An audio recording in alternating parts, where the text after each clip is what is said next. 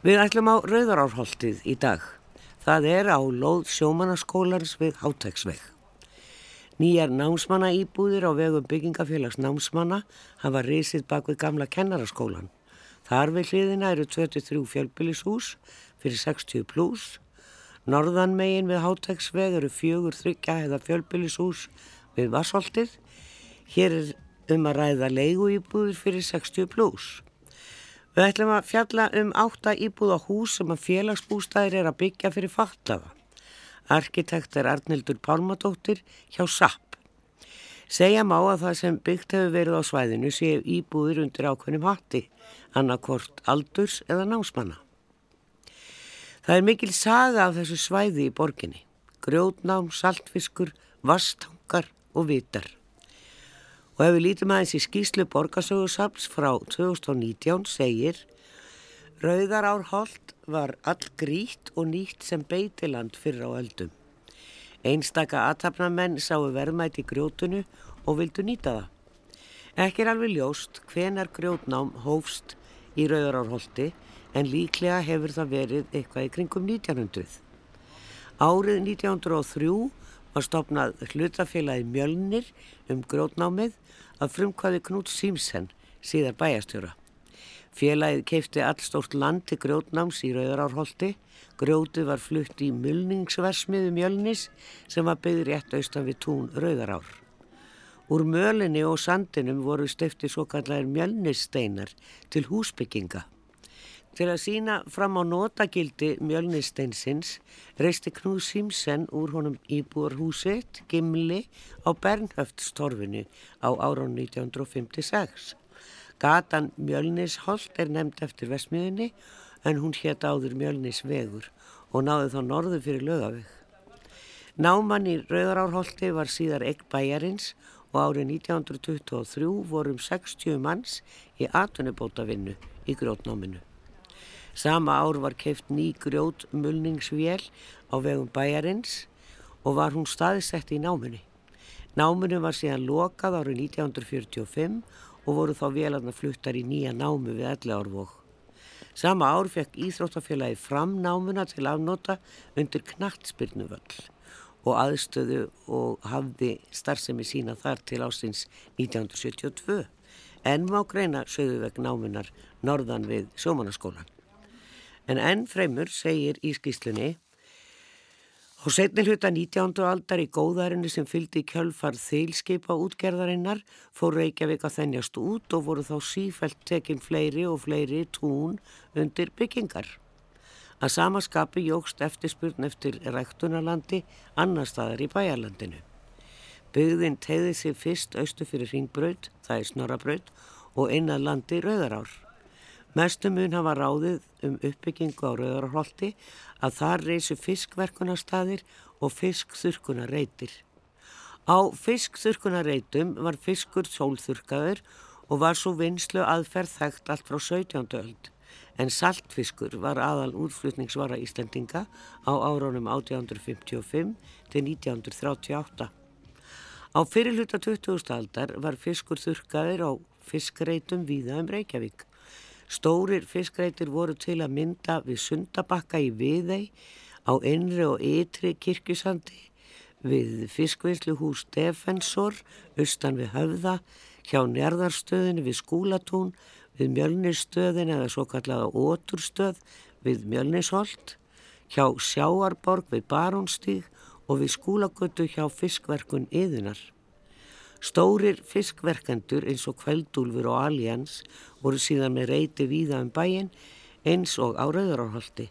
Seltjarnanesi við Haga á Eðisgranda við Ánanaust og Þormástaði.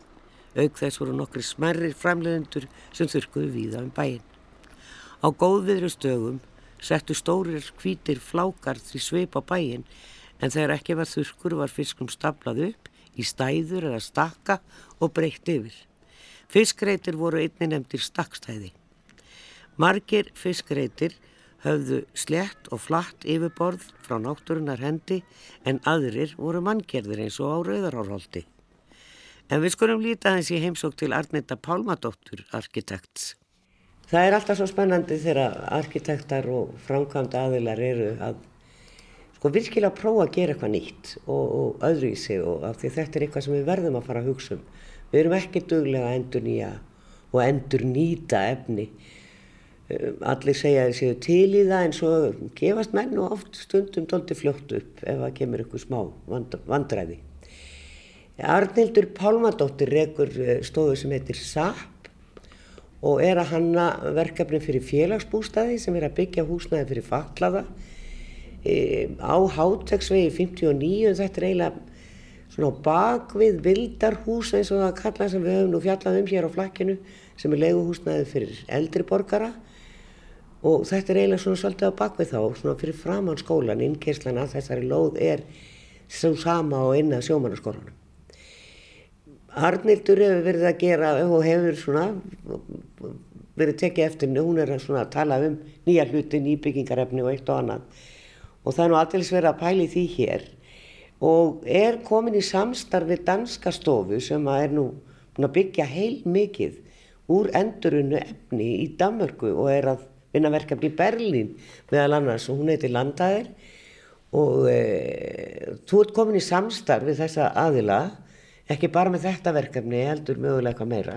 Já, við ákvaðum að stopna saman útibú lendager á Íslandi og hérna, þetta var tengdi svo mikið því sem ég var að gera sjálf hérna og í staðin fyrir að vera alltaf að finna upp hjólið og, og gera alla hluti upp á nýtt á þess að nýta sér það sem er komið það ákvaðum bara að, að lendager uh, kæmi hérna og með okkur, með okkur og myndum vinna saman í því að reyna að íta þessu svolítið hratt áfram á Íslandi. Nýtum við reynslu. E, e, sko, þú ert með myndir hér að einsum verkefnum sem að þau hafa gert og, og hér eru klæningar á húsum.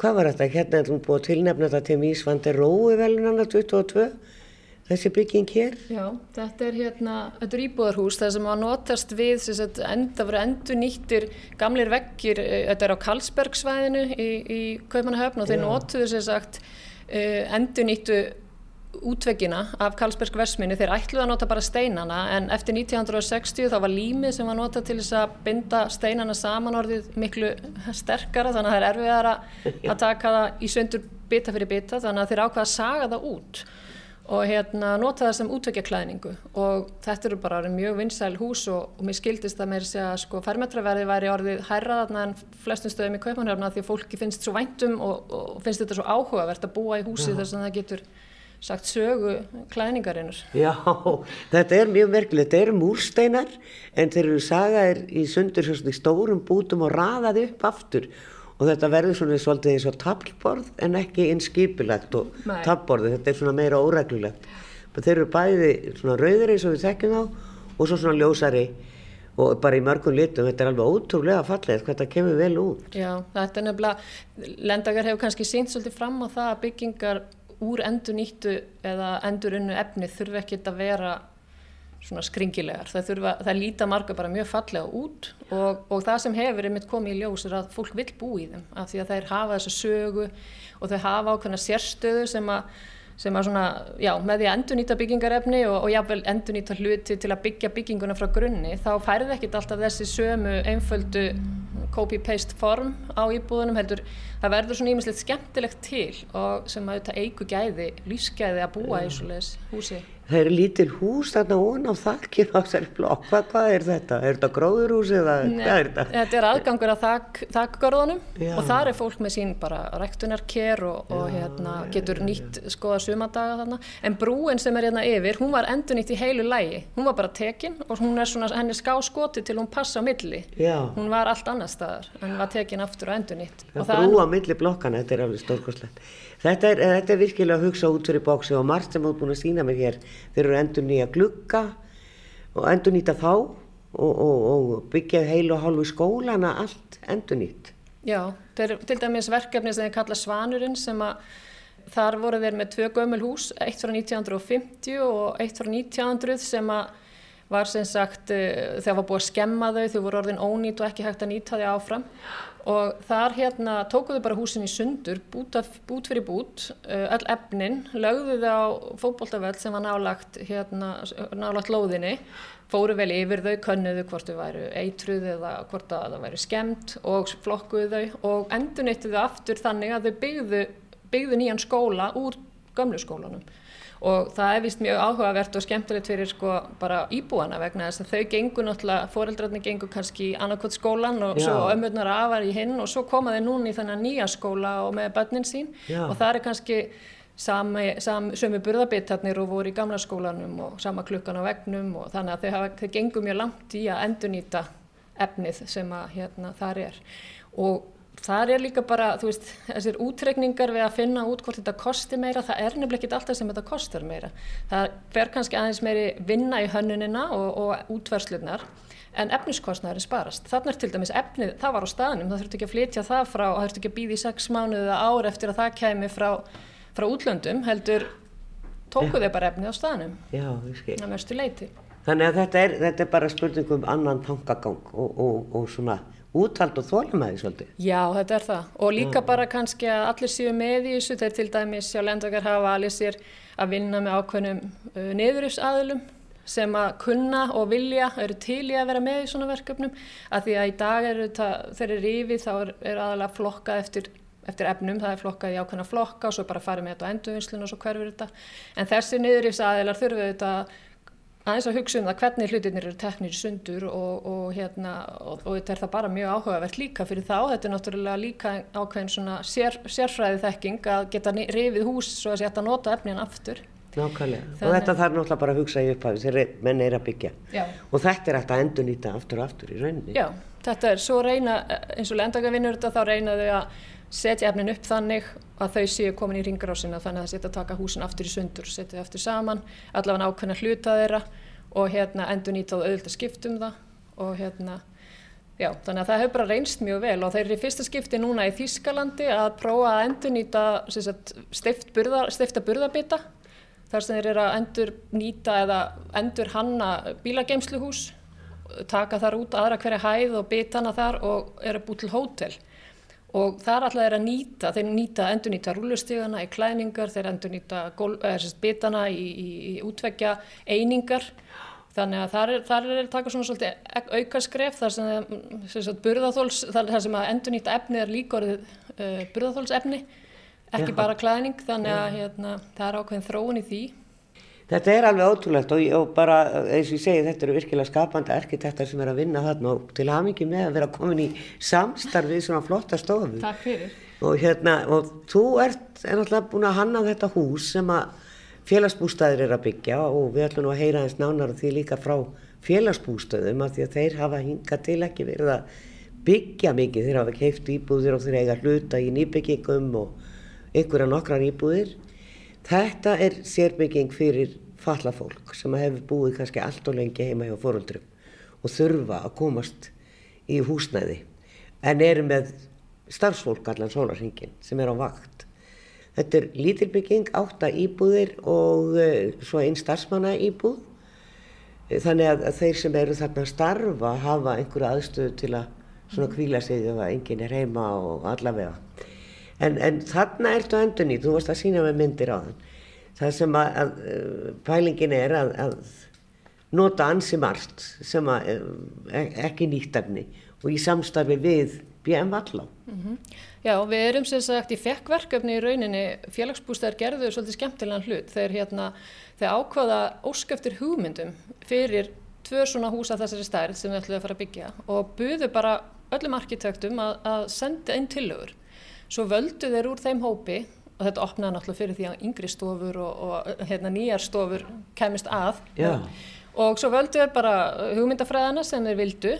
Og það, voru, það var ég sem fekk þetta verkefni og stúdíu Stika heita þær, þær fengu annað verkefni og með sína hugmyndafræð og ég sem sagt uh, ákvaða að taka þessa, þetta svolítið langt þessa hérna, endunýtingu og, og nota, ég stakk upp á því, við myndum nota þetta verkefni til að sjá hversu langt við kemst með það á Íslandi eins og staðan er í dag, innan allra reglugjörn og þau tóku bara mjög vel í þetta og við erum komið þanga núna að við ákvaðum að útbúa að hafa húsið sem staðsteft, bara hefðbundi Íslandst hús og alltaf að rekna það miða við viðmiðunarhús. Þannig að við myndum alltaf sjá sko hvað við getum lækka kólefnisspori miða við útrekningana við, við bara hefðbundið hús. Og hérna við ætlum að gera þetta innan allra reglugjörða ramma sem við eru af því að við getum kannski ekki höfum ekki tíma til að alveg að breyta þeim en við munum vonandi íta við þeim og við, þá ætlum við að endur nýta uh, klæningarefnið utan á húsið Já. og við ætlum að hérna, uh, við reiknuðum í rauninni lífsferilsgreindum allar ákvarðanir varðandi efnisval. Þannig að við bárum til dæmis saman fljótandi parkett sem er hefðbundið, uh, terrassogólf, uh, línulegum og vínildúka og við komum staði að terrassogólfi hafi lagsta kolumnispori þannig að við til dæmis ætlum að prófa með BM Vallá sem verður samstagsæðilar að þróa eitthvað umhverfisvænt terrasso efni úr því sem við finnum út að er, er best að nota og við ætlum líka að gera tilrunni með okkur í, í staðsteipunni. Þannig að þau verkefni sem þau eru með nú þegar getum við prófað á ákveðnum hlutum í þessari byggingu og það vonandi lækka kolumnispori allavega 30 með viðmunarhús, vonandi ennþá meira. Já. En það er fleira gólvefni og annað sem við ætlum að reyna að nýta sem eru afgangar frá, frá öðrum framkvæmdum til dæmis. Já, það er náttúrulega verið að byggja sko skristofur alþingis í, í vonastrætinu á móti eh, ráðhúsinu. Sömu hönnur á ráðhúsinu, stúdíu á Granda og þau eru með ákala fallega steina úr íslenski náttúru í klæðningu á húsið. Það er fullt af afgangi. Mm -hmm. Þar getur þið fengið fallet grjót í terrasso. Já, við erum í samstarfi við Graf og Grjót sem er hérna, framlegendur á þeirri klæðningu og þeir hafa ætla að vera með okkur í þessu verkefni að skoða hvernig við getum endunýtt afganga sem að verða til hjá þeim. Og það er nú svolítið skemmtilegt kannski að svo sama kannski efni í alþingishúsinu og hérna. Já, alþingiskrifstofunum og, og, félagsbústuðum en hérna, já, nei, en við vonum þetta er allt saman þróunaverkefni og eru í vinslu og við þetta bara gerum okkar allra besta, við erum komin með í hönnunarferlin erum við komin með miklu læra kólöfnisspor heldur en hefðbundi, hefðbundi hús og við erum að reyna munum vinna með verktakanum sem verður valinn og, og hérna, og félagsbústuðum í því að að bara koma þessu eins langt niður og við getum og þá getum við sínt fram á það vonandi að hérna, það sé lítið mála að, að lækka kolumnisporið í hefðbundu íslensku húsi. Já, já. Það er svona aðeins verið að hugsa um þetta á Íslandi en eh, alls ekki nóg. Það er náttúrulega verið að byggja eitthvað úr CLT, crosslinked eh, timpur, loftreinsi búnað og, og eitt og annað sem er svona vendar húsin allavega fyrir miklu já.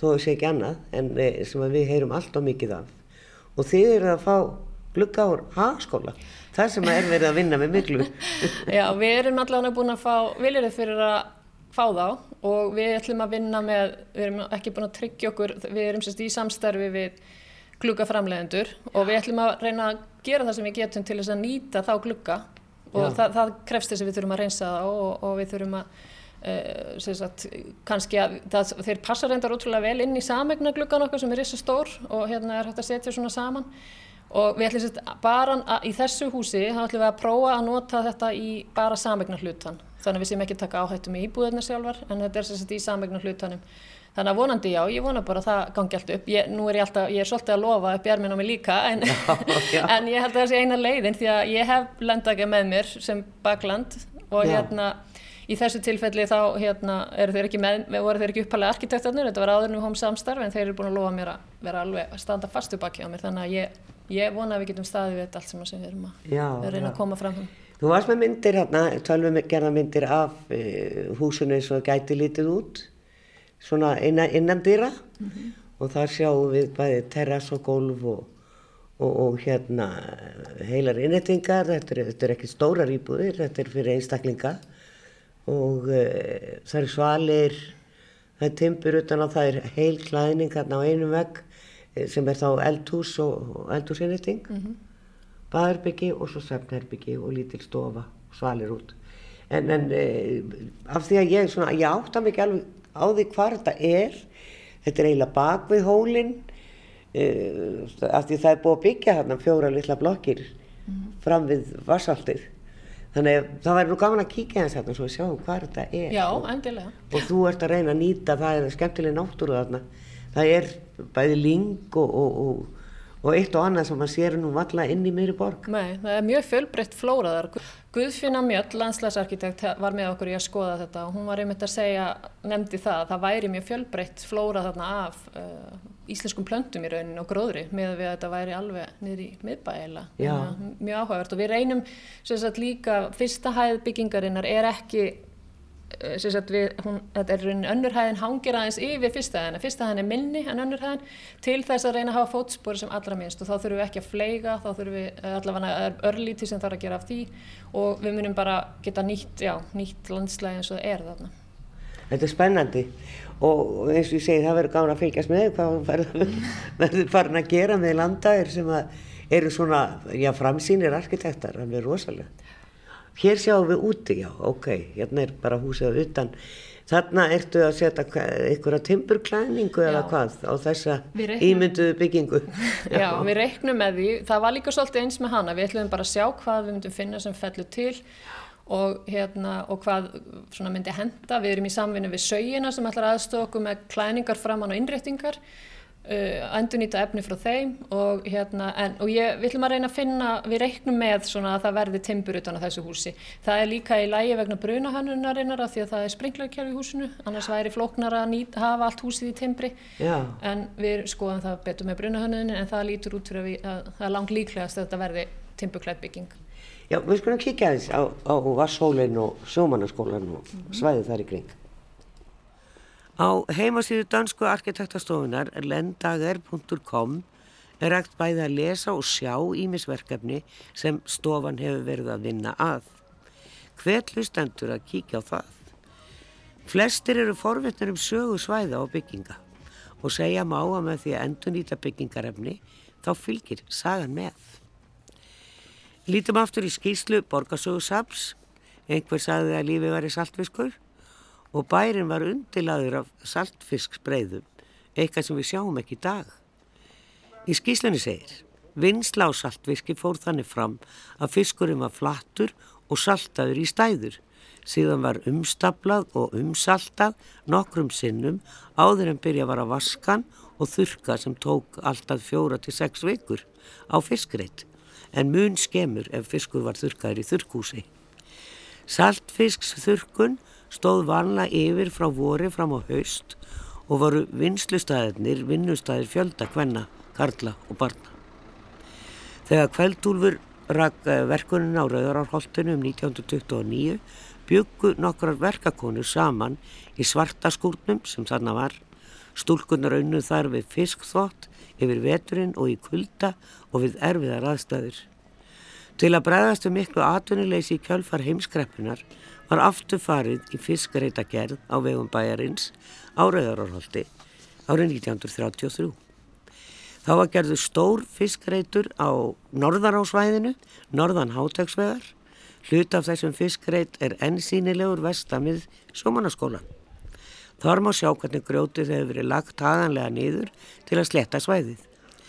Þetta er eitt síðasta heilega manngjörða stakkstæðið sem eftir er í Reykjavík og mikilvægur minnisvarðum sögu verkafólks, fiskvinnslu og fleira í Reykjavík sem ber að venda sem slíkan.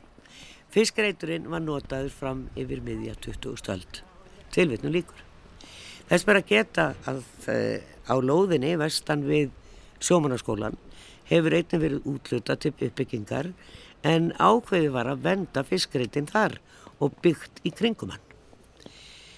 Eitthvað sem við lítum á síðar hér á flakkinu. En við skulum fylgja Arnildi arkitekt á Lóð sjómanaskólans. Húsið sem þannig mun rýsa stendur við Háteksveg 59. Já, við erum komið hér upp að sjómanaskólarum, stýrimannaskólarum, það er svona kallaðu báðunafnum og uh, ég þóra ekki að fullur að hvort nafnið er rétt falleg gömul bygging með turni og, og innsiklingavita í rauninni. Og þegar turnin stóri var byggðunir í borgatúni þá skeiði turnin á þennan innsiklingavita þess vegna var reistur annar viti. En við erum svo sem ekkert að fara að fela þennan gamla fallega skóla. Það hefur verið að byggja hérna á holdunum við Vasshólinn og það verður byggt líka hérna út við Nóatún hérna vestan við skólan Og, en við erum semst á loðinni hér það sem er búið að byggja litlar, fjóra litla blokkir, þryggja hæða, út við Vassholtið. En þessa loð sem við erum að tala um er Háteksvegur 59 og þetta er eiginlega svona doldið bak við þau hús. E, það er bygging hérna sem að tilheyri skólanum uh, ég veit ekki hvað vélahús eða eitthvað vorum við að tala um en ég fóð nú einhvern tíman hérna í svona siglingahermi í einhverjum af þessum byggingum sem var mjög gaman og syldi stærðarinnar ólíuskipi og mjög merkilegt. En hér er náttúrulega bara svolítið náttúra. Hér er slatta trjám. Hér er einhvern veginn grjót sem bara einhvern veginn maður hefur á tilfengun hafi verið hér alla tíð.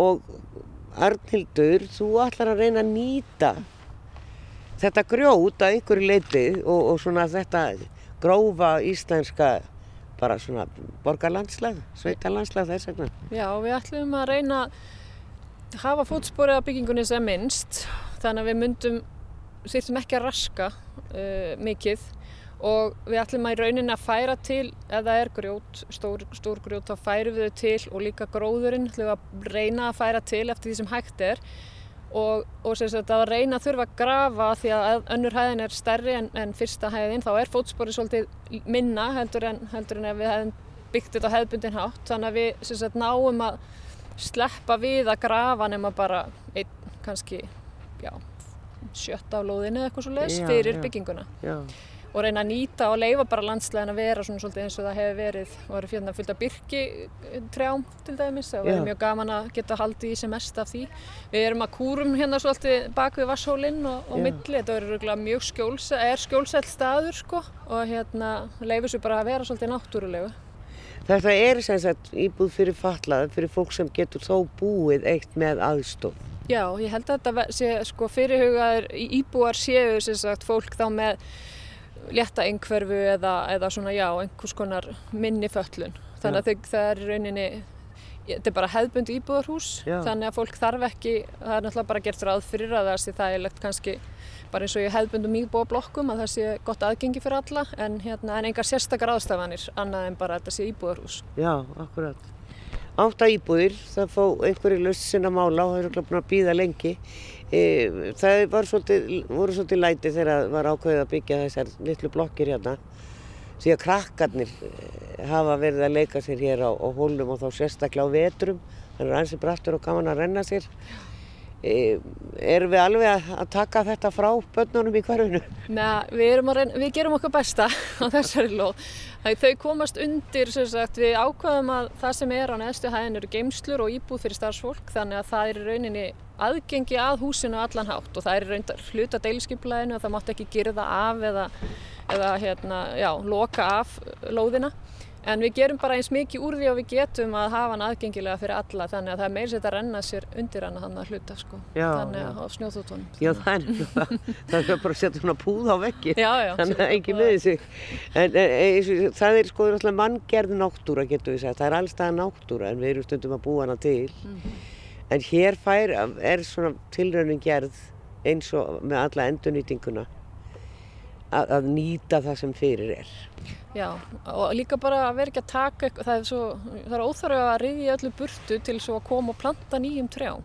Þannig að við bara reynum, það er bara hluta af þessu öllu, að vera ekki alltaf að kannski að já, byrja á núli. Við þurfum núna bara að hætta því í, almennt í heiminum, við þurfum bara að sjá hvað við eigum, hvernig getum við endur nýtta, getum við hérna, leift einhverju að vera, við þurfum ekki að skipta öll út alltaf þó að eldurstu okkar sé kannski orðið svolítið gammalt, kannski bara þetta að flika upp á það og svo leiðis. Af því að það er náttúrulega alltaf kólöfnisspor í öllu, að flytja nýja, hluti á nýja staði, framlega hluti og, og þetta er bara hluti af því að leifa bara og ég menn okkur líður bara vel ef við vitum þetta tré búið að vera hérna miklu, lengri, miklu lengur heldur en að við værum að planta nýju þannig að yeah. það hefur allt bara með þetta svona samfélagslega og bara hvernig viljum við lifa yeah. líka fyrir utan kolumnispótspor Hefur þú hugmyndum hvernig á að byrja hérna á þessari lóð? Já, það var verið að bjóða verkið út, það er ekki alveg komið niðurstaða en það, það er bara næstu mánu á móti eða eitthvað, ég veit það ekki, já, já, já. eftir hvernig við náum sam, samningar við, við verktakan en en ég vona bara að það verði, já, það verður allavega fljótlega. fljótlega. E, þannig að það verður ekki bílakellari hér? Nei. En það verður ekki að grafa það allt saman? Nei, og það er ekki eins og bílastæði á loðinni. Nei. Það er náttúrulega fullt af bílastæðum hérna á já. svæðinu og mjög gott aðgengja strætó, strætó bara ennum við hliðina og já, það er í rauninni held ég að borgin sé að hugsa þetta sem samnýtingu á milli skólans sem er kannski nota daginn og starfsfólks og eitthvað svona, þetta er einhvers konar samnýting en það er ekki gert ráð fyrir bílastæðum og ekki bílastæðakjallar. Bílastæðakjallar er náttúrulega alltaf 70% af kostnaði og, og kólefnisfótspori bygginga þannig að við ættum náttúrulega að hætta strax með alla svoleiðis. Miklu betra bara að gera bílastæð á hús í Já. rauninni og nota kannski neðstu hæðina fyrir verslun og þjónustu Já, og í slíkum húsum. Svo er líka hægt að endurnýta bílastæðahús því að ef að bílum fækkar eða það þarf eitthvað, eitthvað breytist sem öruglega mun gerast, þá getur við bara breytið íbúður. Það er nefnilega málið. Það er að hugsa þetta allt upp og ný. En það er eitt sem maður má alveg gera hér og ég bendi bara þeim sem stjórna hér í þessum skóla. Það þurfti að einhver að koma út og plokka hérna á lóðunum, ekki rosalega draslir. Svo er einhverja framkvæmdir þarna eh, á miðri lóðunum fyrir beintur í fram á skóla Það verður forverðið þetta að vita hvað er verið að gera þar. Þar eru vinnuvelar, ég get ekki ímynda mér að sé verið að fara að byggja þar byggt fyrir fram á skóla. En spyrjum að því. Já, ég spurði að því og það er bara verið að laga leikvöglinn við leikskólan þarna, fram að við sjómanarskólan. En við hvaðjum Arnildi Pálmadóttur, arkitekt hjá SAP. En áðurum við heilsum upp á Sigrúna Árnadóttur, framkvæmdastjóra félagsbústaða og Eithór Freiriksson sem sér um húsnæði á vegum bústaðana skulum við líta aftur í skíslu Borgarsóðursaps. Árið 1916 letu Vassveita Reykjavíkur reysa nýjan vassgeimi á Rauðarárholti til að bæta úr vasskorti í bænum og tryggja nægan vassþristing. Um leið voru skilir til slökkustarfa bætt en bruni mikli miðbæ Reykjavíkur var þá nýlega afstæðin. Bygging vaskeimis á Rauðarárholti hafði reynda verið ráðgerð allt frá upphafi vassveitur Reykjavíkur árið 1907 og Jón Þorláksson verkfræðingur muni að gert tillögutekningar að honum. Byggingu vaskeimisins var eins vegar sleið á frest þar til fóra að bera á vaskorti í efru byggðum bæjarins. Bygging geimisins var samþygt í bæjastjórn 20. janúar 1916 og var lokið um vorið 1916. Árið 1930 var annar samskona geymir reistur austan við þann eldri.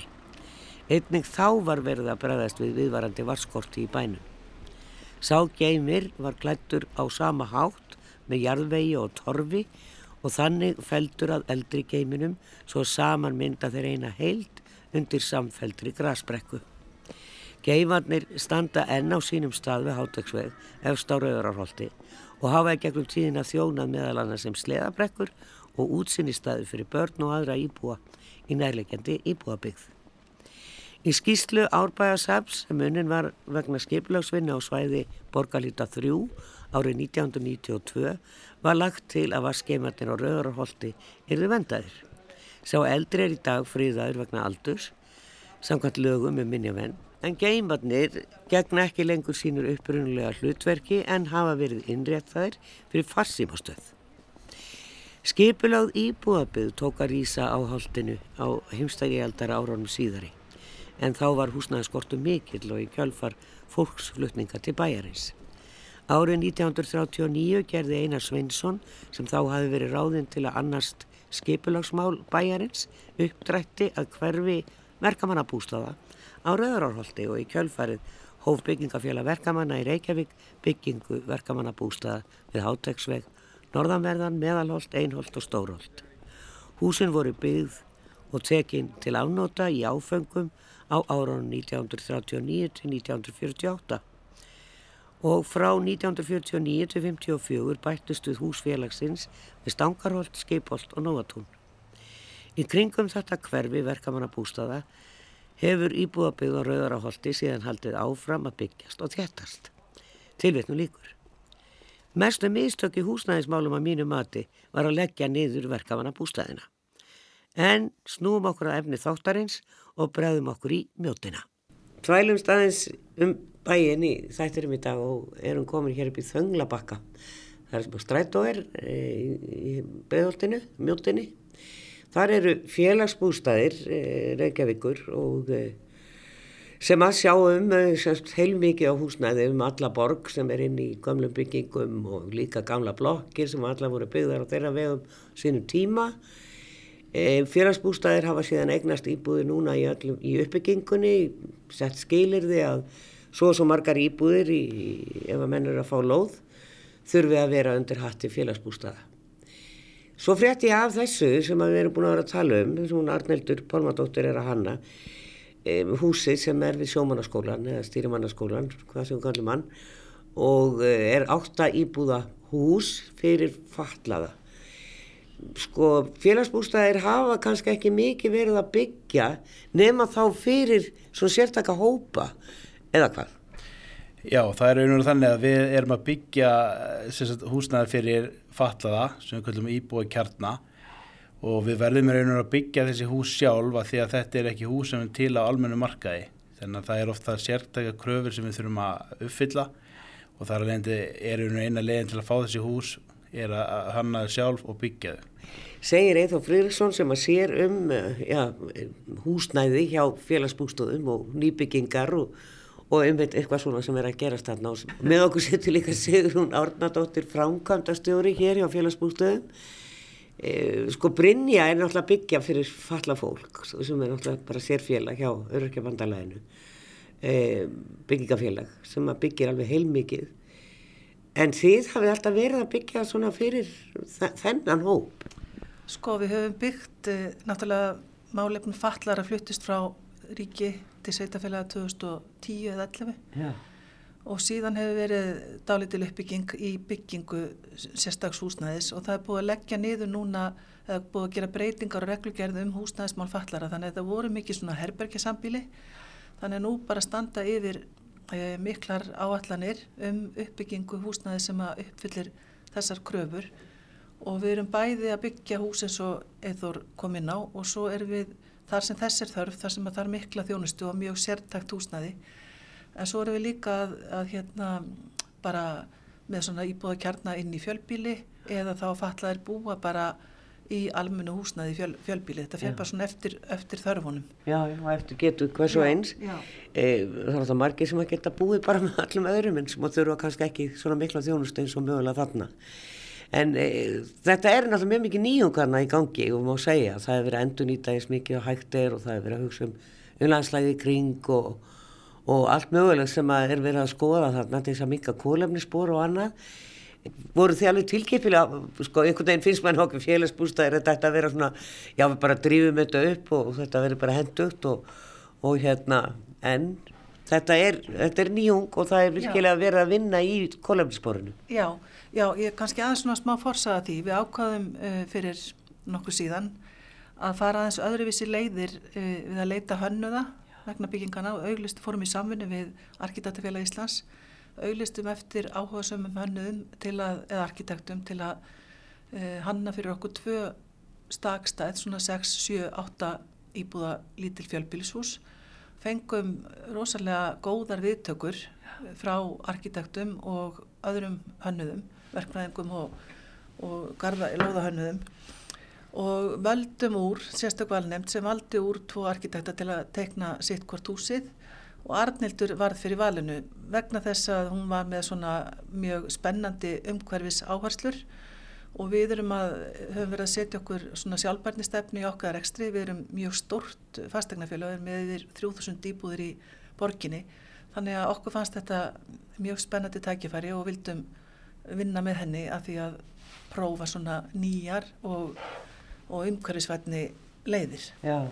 Og það er kannski við nálgunstverkinu þannig að við vorum í, í samstarfi við emitt aðra hönnuði og við kerðum svo kallega lífsfyrirskreiningu í hönnunarferlinu þannig að allt efnisval eh, var sagt, metið með tillit til góðmjöðspórs og eins við hönnunar lóð þá var gett ráð fyrir að eina flýta sem minnsta efni í burtu þannig við varum ekki að skapa þurfa að keira efni í burtu og brenna það lendi óli í kringu það.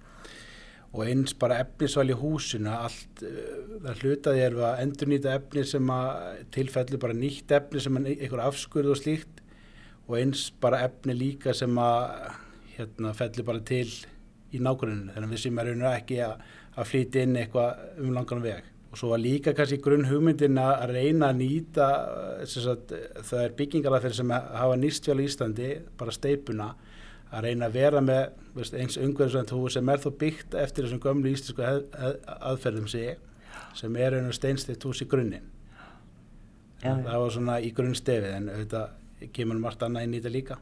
Svo finnst okkur náttúrulega rosalega spennandi að vera með svona, ég veit ekki hvort maður á að kalla þetta framústefnulegt, en allavega sérstakt hús á þessum merka stað. Já, já. Að, hérna, og hún er búin að vanda sig svona sérstaklega við hönnunina, að, og það hefur verið miklar umræður um hvernig, hvernig þessi reytur ætti að vera, þannig að við höldum að það muni allir verða ánæðir með þetta hús sem að þarna muni rýsa.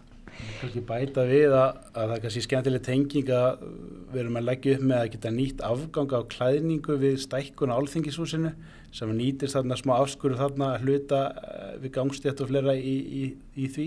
Þannig að það er svona skemmtileg tenging að geta nýtt þarna afskuru að því húsi í þetta verkefni líka. Já, einmitt, hún sagði okkur einmitt frá því hún er arneldur og það er fallet grjót sem er verið að nota utan á þessar skrifstofur alþingis. En við langar svolítið að spyrja um að því ég er nú komin til ykkar hérna í sambandi við stefnu félagsbústaði sem er e, rekin náttúrulega undir hatti borgarinnar en er með sína stjórn, það er ekki þannig að borgarfulltrú að sé að koma hér inn og þegar að gera þetta að gera hitt, en það hlýtur að þurfa að fara samt eftir stefnu borgarinnar. Hver er stefnan, sko af hverju byggja félagsbústaðir ekki meira sjálfur e, í staðin fyrir að vera að taka kannski fimm íbúður í, í einni stóri blokk?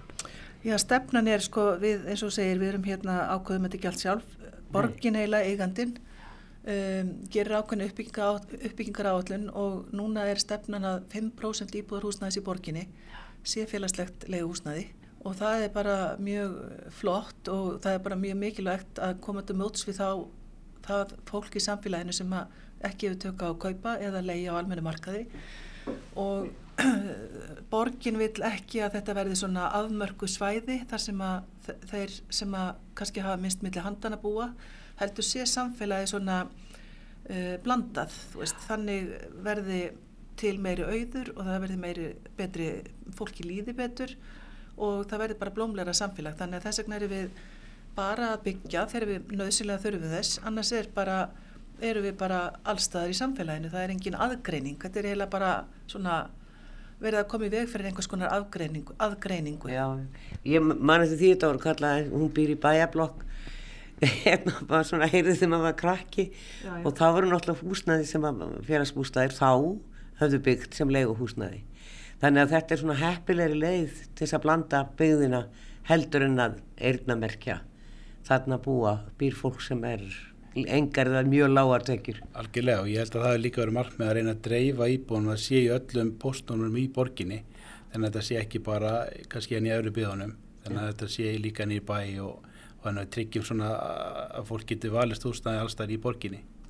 Hver, en, en, en auðvitað eru við með, við eigum fél, félagið á hérna, fylgta fjölbílisjúsum og þannig að það er ekkert búið að leggja það nýður en þetta er áherslunar í dag, við erum ekki að byggja fjölbílishús uh, fyrir bara almennar fjölskyldur heldur byggist fólki eins og eitthvað segir íbúðir hér og þar Já. og það er náttúrulega mjög uh, flott núna að geta keift inn í þessum nýbyggingarverkefnum að þar eigum við yfirleitt uh, rétt á að kaupa 5% af því sem byggt er í fjölbíli og við höfum verið að nýta okkur það. Já, en hver, hversu mikil er þörfin, sigur hún, af því að maður heyrir alltaf að það sé alveg óskaplega langir bygglistar eftir uh, félagslegu húsnæði.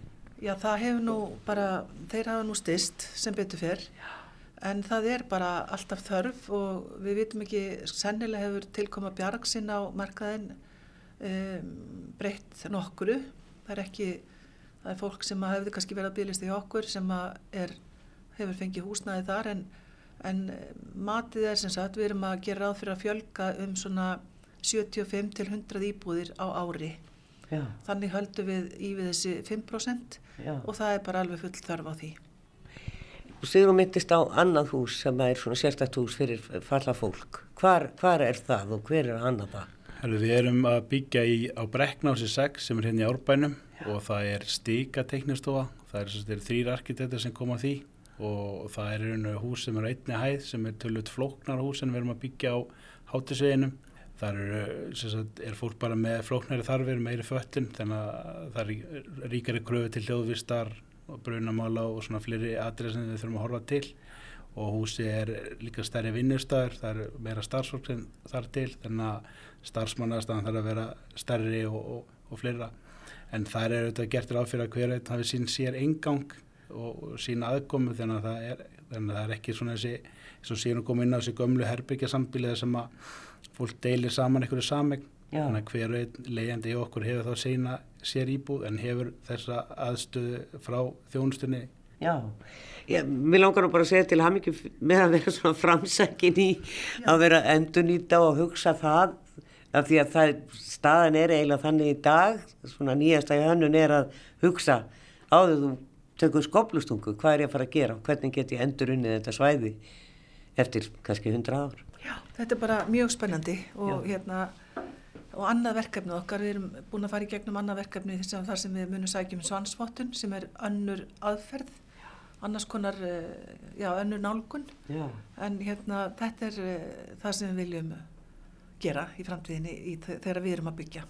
Fjárhagslega, eh, sko, Arnildur minnist á það að það er, sko, það er náttúrulega, ef þú ert að endurnýta efni sem það fellur til þegar að vera að rýfa, að hérna, að þá er ekki, þá sparar efniskaupin í rauninni, þú fær það ókeppis yfirleitt, það er bara flutningskostnaði mögulega.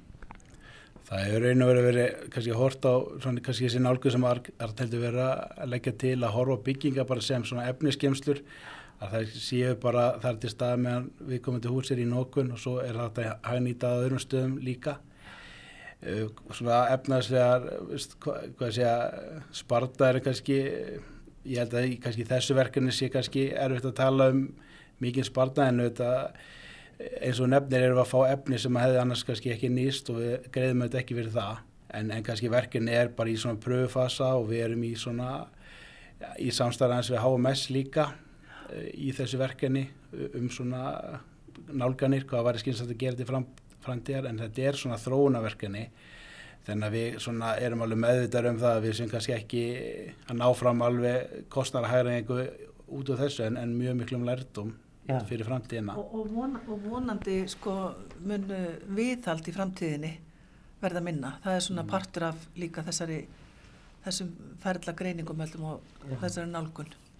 Og örugla kólöfninsspor sem sparast. Já, já það, það gerir það. Já. Alveg 100%. Það er þetta, með þessari lífsverðskreiningu sem við kerðum í hönnunarferlinu þá erum við að með að minnstakosti 30% minna kólumnisspor með að við sambarinn túr sem það hefur verið byggt áður þannig að og það er þetta, ég held ég að þetta muni komin í reglugjari í framtíðina að þetta verði sett sér skilinni þannig að við erum tölvöld langt á undan öðrum eh, sem er að byggja í dag þannig ég held að við höfum svona, já, tekið nokkuð stór skref í þessum umhverfismálum með, með byggingu á þessu húsi. Sagði Eithor Fridriksson og Sigrun Átnádóttir hjá félagsbústöðum.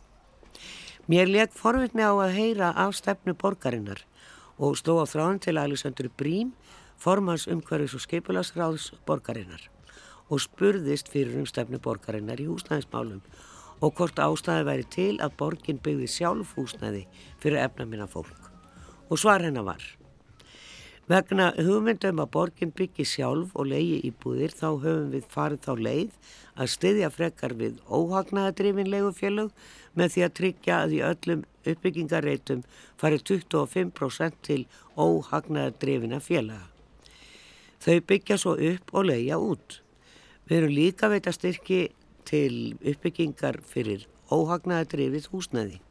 Ef borgin var, færi beinleins að byggja og leiði út, þá væru við komin í samkeppni við þessi sömu aðila og við erum að reyna að efla. Við værum þá líklega sennilega komin í samkeppni um lánsfjö til framkvæmda. Það er líka sennilega ekki heppilegt að borgin komi sér í þá stöðu að vera beinleins leiðusali, uppbyggingaraðili og á sama tíma sveitafélag og þjónustuveitandi. En ef uppkoma einhverja mjög yktar og ófyrirséðar aðstæður er auðvitað hægt að skoða ímsa möguleika. En ég er ekki alveg að sjá það fyrir mér að svo stöndu. Allar lóðir sem við værum að byggja á væru bara lóðir sem einhver annar aðili væri ekki að byggja á. Lánsfér sem við fengjum, bara lánsfér sem annar aðili fengi, þá ekki. Sagði Alessandra Brím, formaður umhverfis og skiplarsráðsborgarinnar og þar með sláum við botnin í þáttinn verið sæl.